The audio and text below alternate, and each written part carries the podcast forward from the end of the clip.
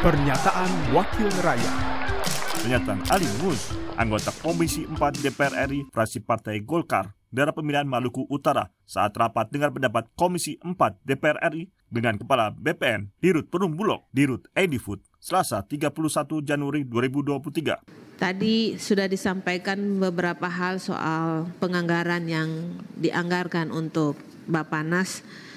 Terus terang Pak, dari awal saya merasa bahwa Badan Pangan Nasional dibutuh dibutuhkan tidak juga tidak apa-apa. Karena sebelum ada Bapanas sudah ada juga kok Bulog, ada juga di Food Berdikar dan sebagainya. Tapi kalau seandainya kehadiran Pak Arief ini bisa memberikan solusi bagaimana kita punya pangan di Indonesia, saya apresiasi yang luar biasa sangat kita berbicara sebentar lagi masuk panen Pak Buas. Tadi singgung soal HPP yang setahu saya sudah tidak di harga 8.800 tertinggi 10.000 10.000 berapa Bu Febi? Hah? Ya 10.000 lebih ya 10.500 sampai 100 apa 200 10.2 Berarti ini udah tinggi. Bagaimana dengan harga gabah kering giling di petani.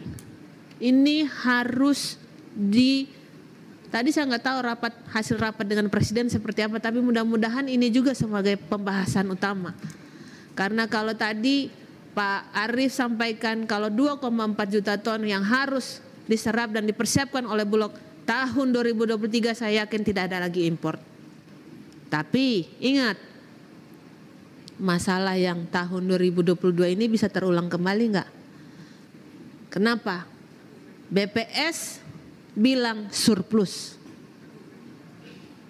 Yang semua kita menggunakan data tersebut. Pertanian bilang surplus, keadaan di lapangan kita bilang defisit, yang ada ter terjadi kita saling mencurigakan satu sama lain. Hati-hati, saya minta dengan anggaran Bapak yang katanya masih kecil juga kalau bisa juga ditambahkan. Tolong turun ke lapangan bersama dengan kalau di Bulog itu apa ya namanya ya? Satgas Pangan melakukan live streaming, Pak. Sehingga data bukan hanya data di atas kertas, tapi data yang realita apa adanya.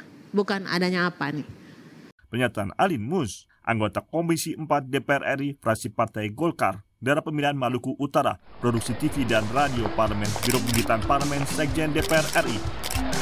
Pernyataan Wakil Rakyat.